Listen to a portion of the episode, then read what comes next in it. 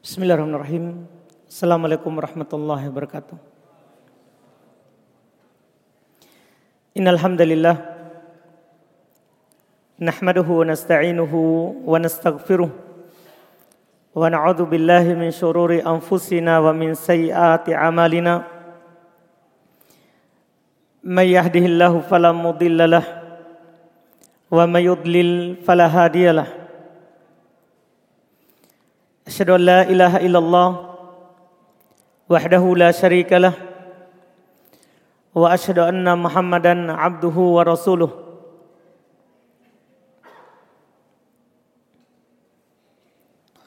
صلى الله على نبينا محمد وعلى اله واصحابه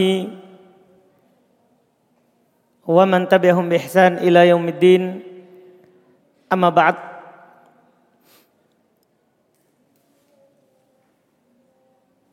Ahlan wa sahlan wa marhaban rahman. Selamat datang di rumah Allah Subhanahu wa taala kepada ikhwan dan akhwat yang pada hari ini kita semua mendapatkan nikmat dari Allah Subhanahu wa taala untuk masuk 10 hari terakhir di bulan Ramadan. Dan kita masuk di dalam tenda-tenda iktikaf kita. Tentunya kita datang ke sini bukan untuk tidur bukan untuk makan bukan untuk minum kita datang untuk berlomba-lomba dalam kebaikan. Kita datang untuk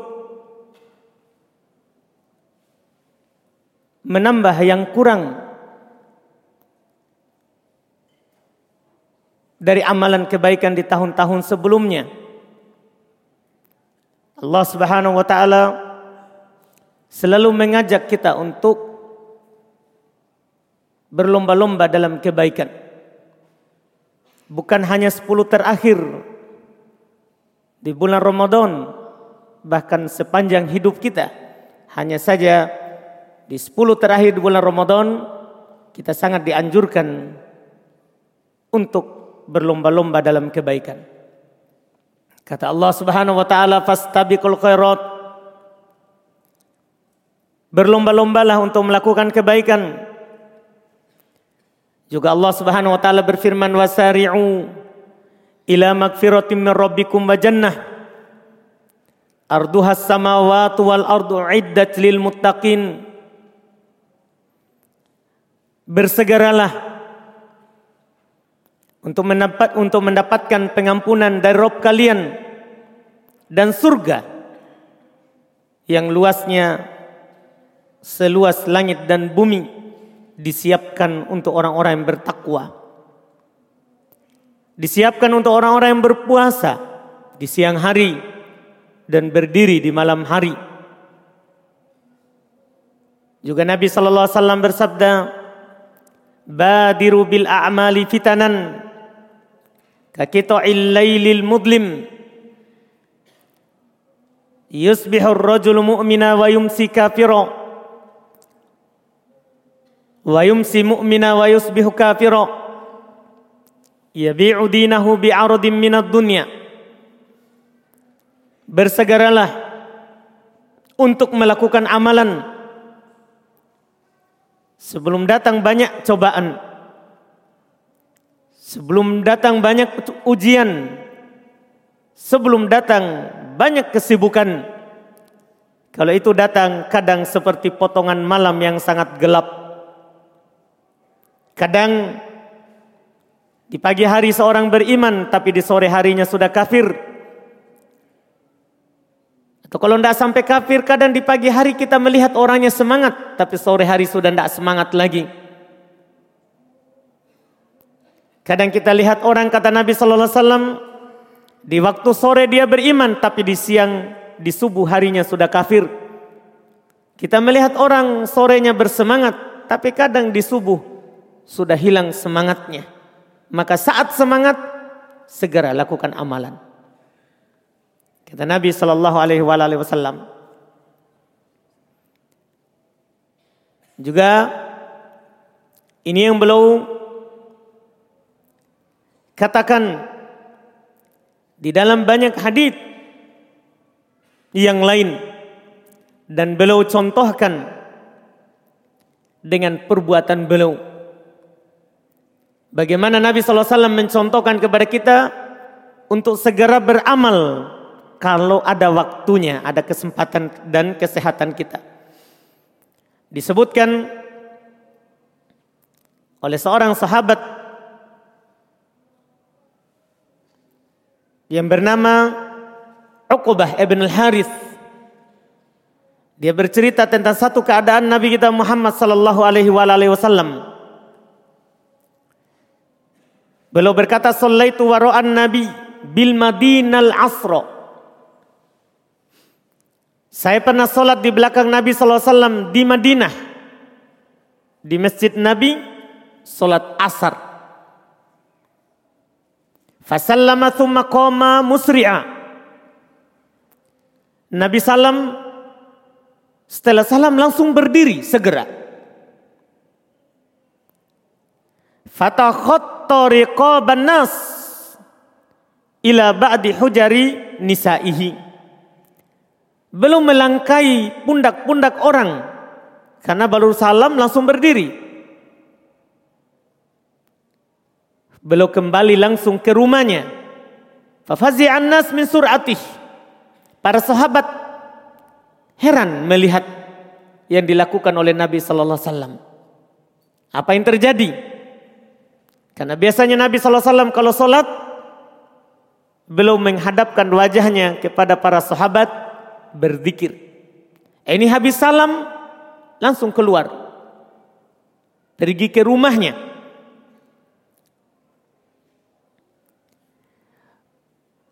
Fakharaja alaihim maka Nabi SAW kembali dari rumahnya Faro'a annahum qad ajibu min suratihi. Dan Nabi SAW melihat para sahabat telah heran melihat Nabi kita Muhammad sallallahu alaihi wasallam. Maka beliau sampaikan kepada para sahabat, "Dzakartu syai'an min tibrin indana." Tadi dalam solat saya mengingat ada emas yang kami punya, lempengan emas, potongan emas yang kami punya. Fakarihtu ayyah bisani. Fa'amartu bikismatihi. Saya takut ada yang menghalangiku nanti. Maka saya langsung pergi perintahkan untuk dibagikan. Tidak ada dibilang Sebentar masih panjang waktu. Zikir saja dulu. Sholat sunnah. Tidak. Saat belum ingat, langsung segera perintahkan untuk dibagi. Ini keadaan Nabi Shallallahu Alaihi Wasallam. Makanya pernah belum ditanya tentang bersedekah. Hadis Abu Hurairah riwayat Imam Al Bukhari dan Imam Muslim. Kata Abu Hurairah, "Ja'a rajulun ila Nabi sallallahu alaihi wa alihi wasallam." Faqala ya Rasulullah, "Ay sadaqati a'dham ajran?" Datang seorang lelaki kepada Nabi sallallahu alaihi wa alihi wasallam. Orang ini berkata, "Wahai Rasulullah, sedekah yang bagaimanakah yang paling banyak pahalanya, yang paling besar pahalanya. Kal Nabi SAW menjawabnya, Anta soddaqa wa anta sahihin wa anta sahihun syahihun takshal faqr wa ta'malul gina wala tumhil hatta idza balagatil hulkum Qulta li fulanin kada wa li fulanin kada wa qad kana li fulan Kata Nabi SAW kepadanya, kamu bersedekah. Dalam keadaan kamu sehat. Jiwa kamu kikir. Takut miskin. Ingin kaya. Inilah sedekah yang paling utama. Kamu bersedekah saat kamu sehat. Sebagian orang Miskin baru pikir bersedekah supaya kaya. Sakit baru mau sedekah. Tidak. Itu utama tapi ada yang lebih utama. Kamu bersedekah saat kamu sehat. Jiwa kamu ingin memiliki harta itu. Ingin kaya, takut miskin. Dan Nabi bilang sebagai wasiat walatumhil. Jangan pernah kamu mengundur undurnya. Jangan pernah kamu memberikan waktu antara keinginanmu dan melakukannya. Kenapa?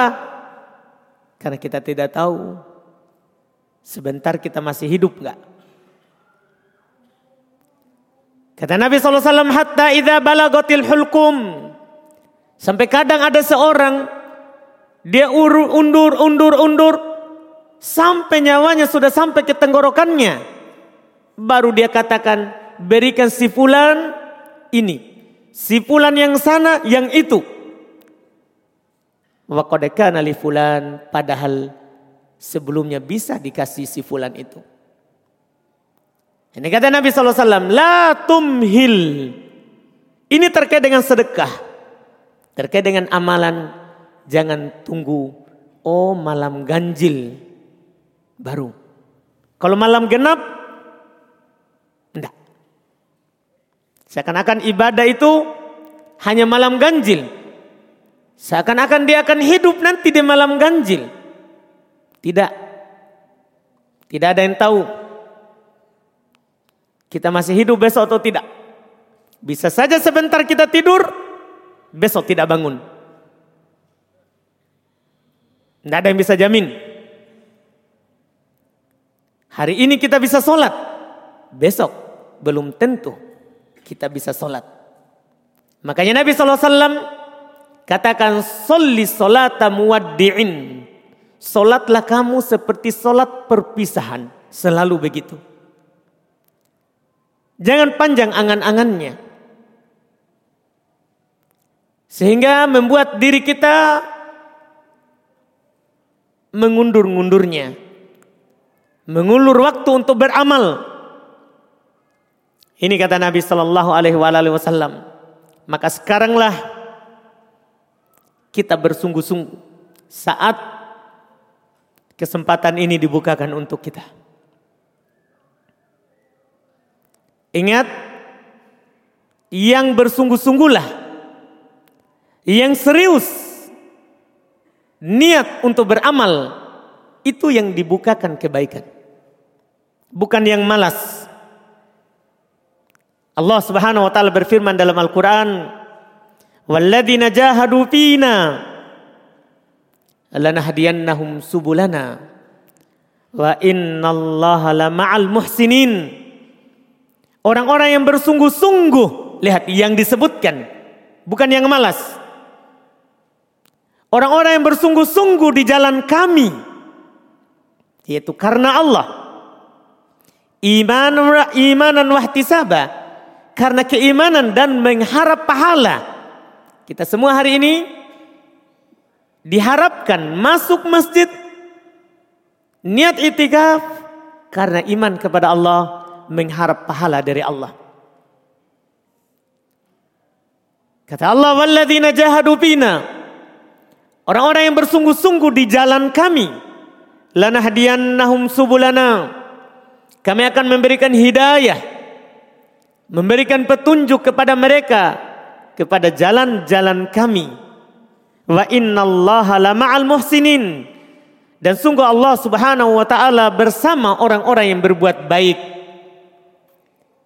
Satu kali kita melakukan kebaikan, maka Allah akan bersama kita dan akan terus kebaikan itu akan bermanfaat untuk kita. Dan juga Allah Subhanahu wa taala katakan di dalam Al-Qur'an wa'budu rabbaka hatta ya'tiyakal yakin. Sembahlah Rabbmu sampai datang kepada kamu kematian. Tidak ada dibilang nanti sudah mau meninggal baru sembah. Tidak. Sembah Rabbmu sampai datang kematian. Terbentang. Dari sekarang kita punya waktu sampai kematian datang mendatangi kita. Di situ kita beribadah sepanjang itu. Kita harus tekunkan diri kita untuk beribadah apalagi 10 hari terakhir ini.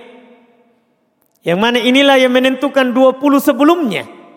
Karena Nabi SAW katakan al-amal bil khawatim. Amalan itu tergantung penutupnya.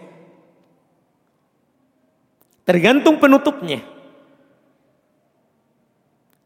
Kata Allah Subhanahu wa taala juga dalam Al-Qur'an, "Wadhkuris ma rabbika wa tabattal ilaihi tabdila tabatila." Wadhkuris ma rabbak. Ingatlah selalu nama Rabbmu watabattal ilaihi tabatila dan tekunlah untuk beribadah kepadanya. Tekunlah ibadah kepadanya. Dan selama kita mendekatkan diri kepada Allah Subhanahu wa taala sebesar apa pun semangat kita maka itu akan menjadi ukuran kedekatan Allah Subhanahu wa taala kepada kita. Dalam hadits qudsi riwayat Imam Al-Bukhari rahimahullah dari Abu Hurairah radhiyallahu taala anhu Nabi sallallahu alaihi wasallam bersabda, "Innallaha ta'ala yaqul" Allah Subhanahu wa taala berfirman Wa ma taqarraba ilayya 'abdi bi syai'in ahabba ilayya mimma aftaratu alaih.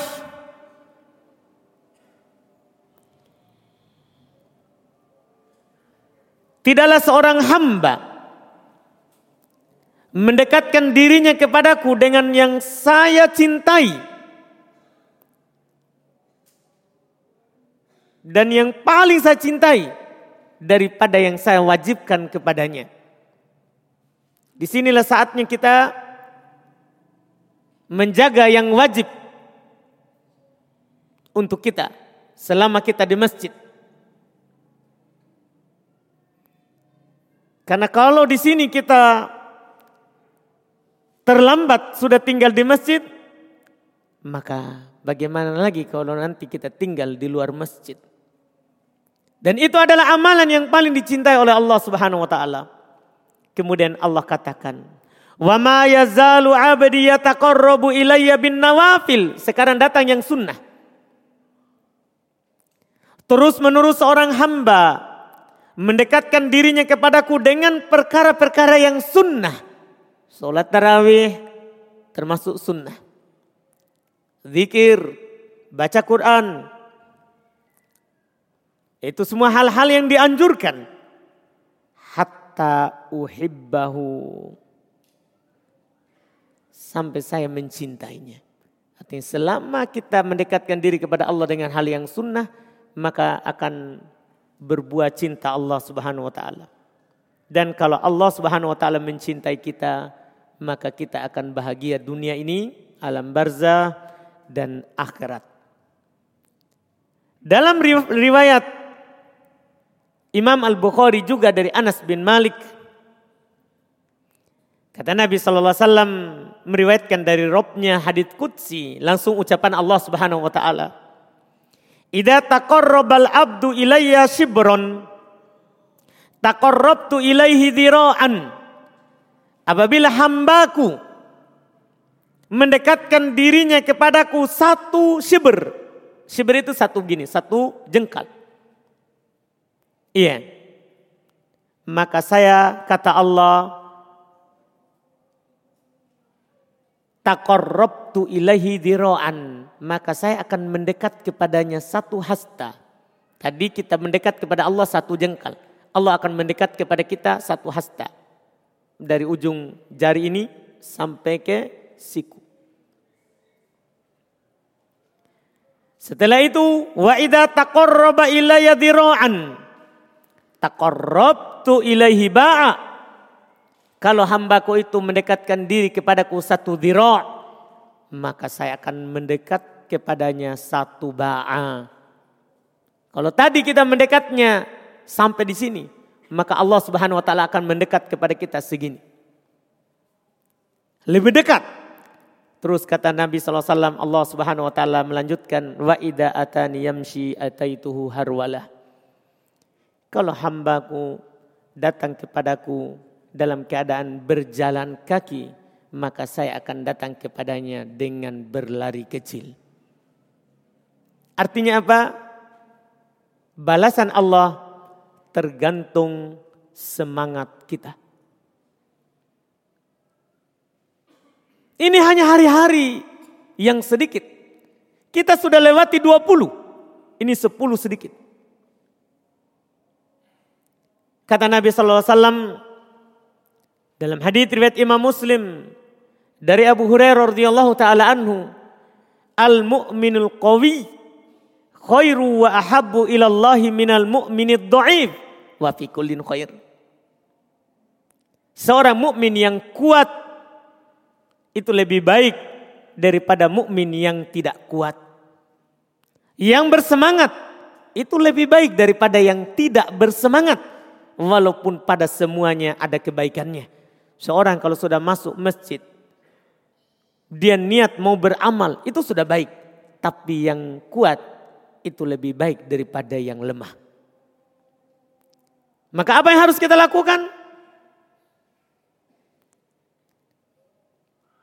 Kita kuat ataupun lemah? Kata Nabi melanjutkan wasiatnya, ihris ala ma yanfa'uk wasta'im billah. Bersemangatlah terhadap apa yang bermanfaat untukmu, minta pertolongan kepada Allah. Karena tidak ada yang lemah kalau Allah tolong. Tidak ada yang lemah. Kalau Allah menolongnya. Tapi butuh semangat. Jangan pasrah terhadap keadaannya. Malam ini kita hanya akan berdiri sedikit hanya dua juz setengah karena persiapannya. Kita akan berakhir nanti subuh sampai surah Yasin. Dua juz setengah saja, tidak sampai pingsan. Iya, tidak sampai pingsan. Persiapannya dua juz setengah. Ini bocoran rahasia orang dalam. Iya. Artinya kalau kita hitung, kita akan sholat empat rakaat dua jam. Kemudian nanti bangun jam satu, rencananya kita akan bagi dalam enam rakaat selain witir. Artinya dua rakaat biasanya ringan, jadinya berat. Karena di yang di akhir malam saya melihat perbanyak rokaat maksudnya dibagi dua satu juz lebih dibagi dalam enam rakaat mungkin lebih ringan. Tapi nanti kita lihat lagi di hari berikutnya. Bisa ditambah menjadi tiga, ini percobaan. Kalau tidak ada apa-apa sebentar, aman. Yang jelas antum bersemangat. Ini kata Nabi SAW, ihris alama yang fa'uk. Ini solat bermanfaat untuk kita. Nanti di hari kiamat, Nabi SAW katakan awwalu ma yuhasabu bihil abdu yaumal. Yang pertama sekali dihisap oleh Allah Subhanahu wa taala kepada seorang hamba di hari kiamat salat. Kalau baik, baik semuanya. Kalau tidak baik maka rusak semuanya. Dan kalau kurang yang wajib kita, inilah yang menambahnya nanti. Yang sunnah. Kita tidak mampu. Ya, mengganti kembali yang telah berlalu. Mungkin di antara kita baru sholat sudah umur 30 tahun. Ada yang baru 40 tahun sholat, baru dapat hidayah. Tidak bisa kita kodok yang lewat. Sekaranglah saatnya kita tutup itu kekurangan. Bersemangat di atas apa yang bermanfaat untukmu, minta pertolongan kepada Allah. Lihat Nabi kita saja, orang yang sudah dijamin terampuni dosanya yang telah berlalu dan yang akan datang. Tapi beliau pernah sholat sampai pecah-pecah. Kaki beliau bengkak kaki beliau.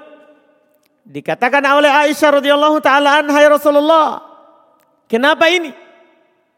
Bukankah Allah Subhanahu wa taala telah mengampuni dosamu yang telah berlalu dan yang akan datang? Kata Nabi SAW kepadanya, Afala akunu abdan syakura. Tidakkah saya mau untuk menjadi hamba yang selalu bersyukur? Karena kita melakukan ibadah itu tandanya kita bersyukur atas apa yang Allah berikan kepada kita. Kita bersyukur atas kesehatan badan kita. Kita bersyukur di dalam 12 bulan ini, hanya 10 hari ini kita gunakan fokus untuk menghambakan diri kepada Allah Subhanahu wa taala. Kita syukuri apa yang telah kita dapatkan sepanjang tahun. Makanya kita pakai untuk Allah Subhanahu wa taala. Ini Tuntunan dari Nabi kita Muhammad sallallahu alaihi wasallam. Ingat yang namanya kebaikan itu pasti menyusahkan kadang badan kita. Karena memang perkara-perkara yang baik dihiasi oleh hal-hal yang susah. Sementara perkara-perkara yang tidak baik itu mudah dilakukan. Karena dia dihiasi oleh perkara-perkara yang syahwat. Sebagaimana Nabi SAW katakan. Hujibatin nar bis syahwat. Wa hujibatil jannatu bil makarih. Riwayat Bukhari Muslim. Neraka dihiasi dengan perkara-perkara yang syahwat. Perkara-perkara yang syahwat. Kita mampu melihat HP kita sejam. Tapi untuk berdiri sholat kita tidak mampu sejam. Kenapa? Beda. Di HP banyak syahwat. Banyak syahwat. Betul nggak? Buka Facebook, syahwat. Buka WhatsApp, status. Apalagi tersimpan nomornya akhwat. Lihat matanya saja, syahwat. Nah, itu perkara mampu kita lihat itu satu jam. Nggak ngantuk. Tapi coba baca Quran. Langsung tertidur. Coba HP-nya dengar Quran. HP yang mendengarkan kita. Bukan kita yang mendengarkan HP.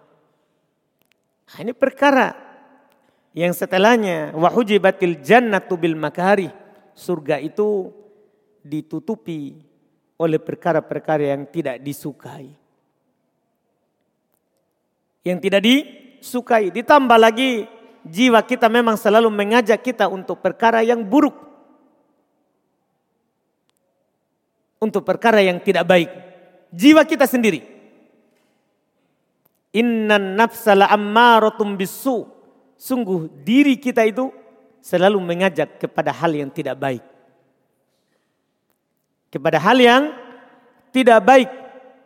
Oleh karena itu untuk melawan itu semua ingatlah bahwa yang kita akan bawa hanya amalan kita. Tidak ada yang lain. Yang kita akan bawa di dalam kuburan kita hanyalah amalan kita. Istri kita tidak akan ikut bersama kita ke dalam kuburan. Mobil yang kita punya, rumah yang kita punya, uang yang kita simpan di bank tidak akan dikubur bersama kita. Yang kita akan bawa amalan yang pernah kita lakukan. Solat kita hari ini sepuluh terakhir di bulan Ramadan ini, inilah nanti yang kita akan bawa ke kuburan kita. Kata Nabi SAW sebagai penutup dalam hadis Anas bin Malik radhiyallahu taala anhu yatba'ul mayyit salasah akan ikut kepada seorang jika dia meninggal tiga perkara. Yatba'uhu maluhu wa ahluhu wa amaluh. Akan ikut mengantarkannya ke kuburannya keluarganya, hartanya, dan amalannya. Sayarji utnan wayabqa wahid. Akan kembali dua. Dan tersisa satu. Masuk bersamanya ke dalam kuburannya. Sayarji umaluhu wa ahluh. Akan kembali hartanya kalau ada mobilnya ikut ke kuburan akan dibawa pulang. Wa ahlu dan keluarganya. Kalau istri meninggal, suaminya akan kembali. Bahkan kadang dia menikah lagi. Kita akan terlupakan. Ya diingat, paling diingat. Oh ibunya anak-anak. Demikian pula kalau yang meninggal suami. Kita akan ditinggalkan oleh istri kita di dalam tanah. Paling dia ikan dia akan ingat kita. Ya bapaknya anak-anak. Atau ada tarikah, ada harta yang kita tinggalkan, pas paling kita akan diingat. Nah, ini peninggalannya. Bahkan setelahnya dia akan menikah lagi. Dia akan meninggalkan kita. Yang akan menemani kita, kata Nabi SAW, amal. Amalan kita. Amalan inilah yang sudi menemani kita di lubang yang sempit itu. Di kuburan. Nah, ini yang harus kita usahakan supaya kita bahagia di dunia ini, bahagia di alam barzakh dalam kuburan kita dan bahagia di akhirat ketika kita kembali kepada Allah Subhanahu wa taala. Ini yang bisa kita sampaikan di kesempatan ini. Tadi kita ingin membaca buku yang sebelumnya kita sudah baca Karomatul Aulia, tapi melihat semangatnya ikhwan datang untuk melakukan kebaikan, ya kita sambut semoga beberapa hadis dan ayat yang tadi bisa menjadi penyemangat kita sampai akhir Ramadan dan setelah Ramadan. Kita cukupkan. Subhanakallah hamdik. Asyhadu an la ilaha illa anta astaghfiruka wa atubu ilaik. Assalamualaikum warahmatullahi wabarakatuh.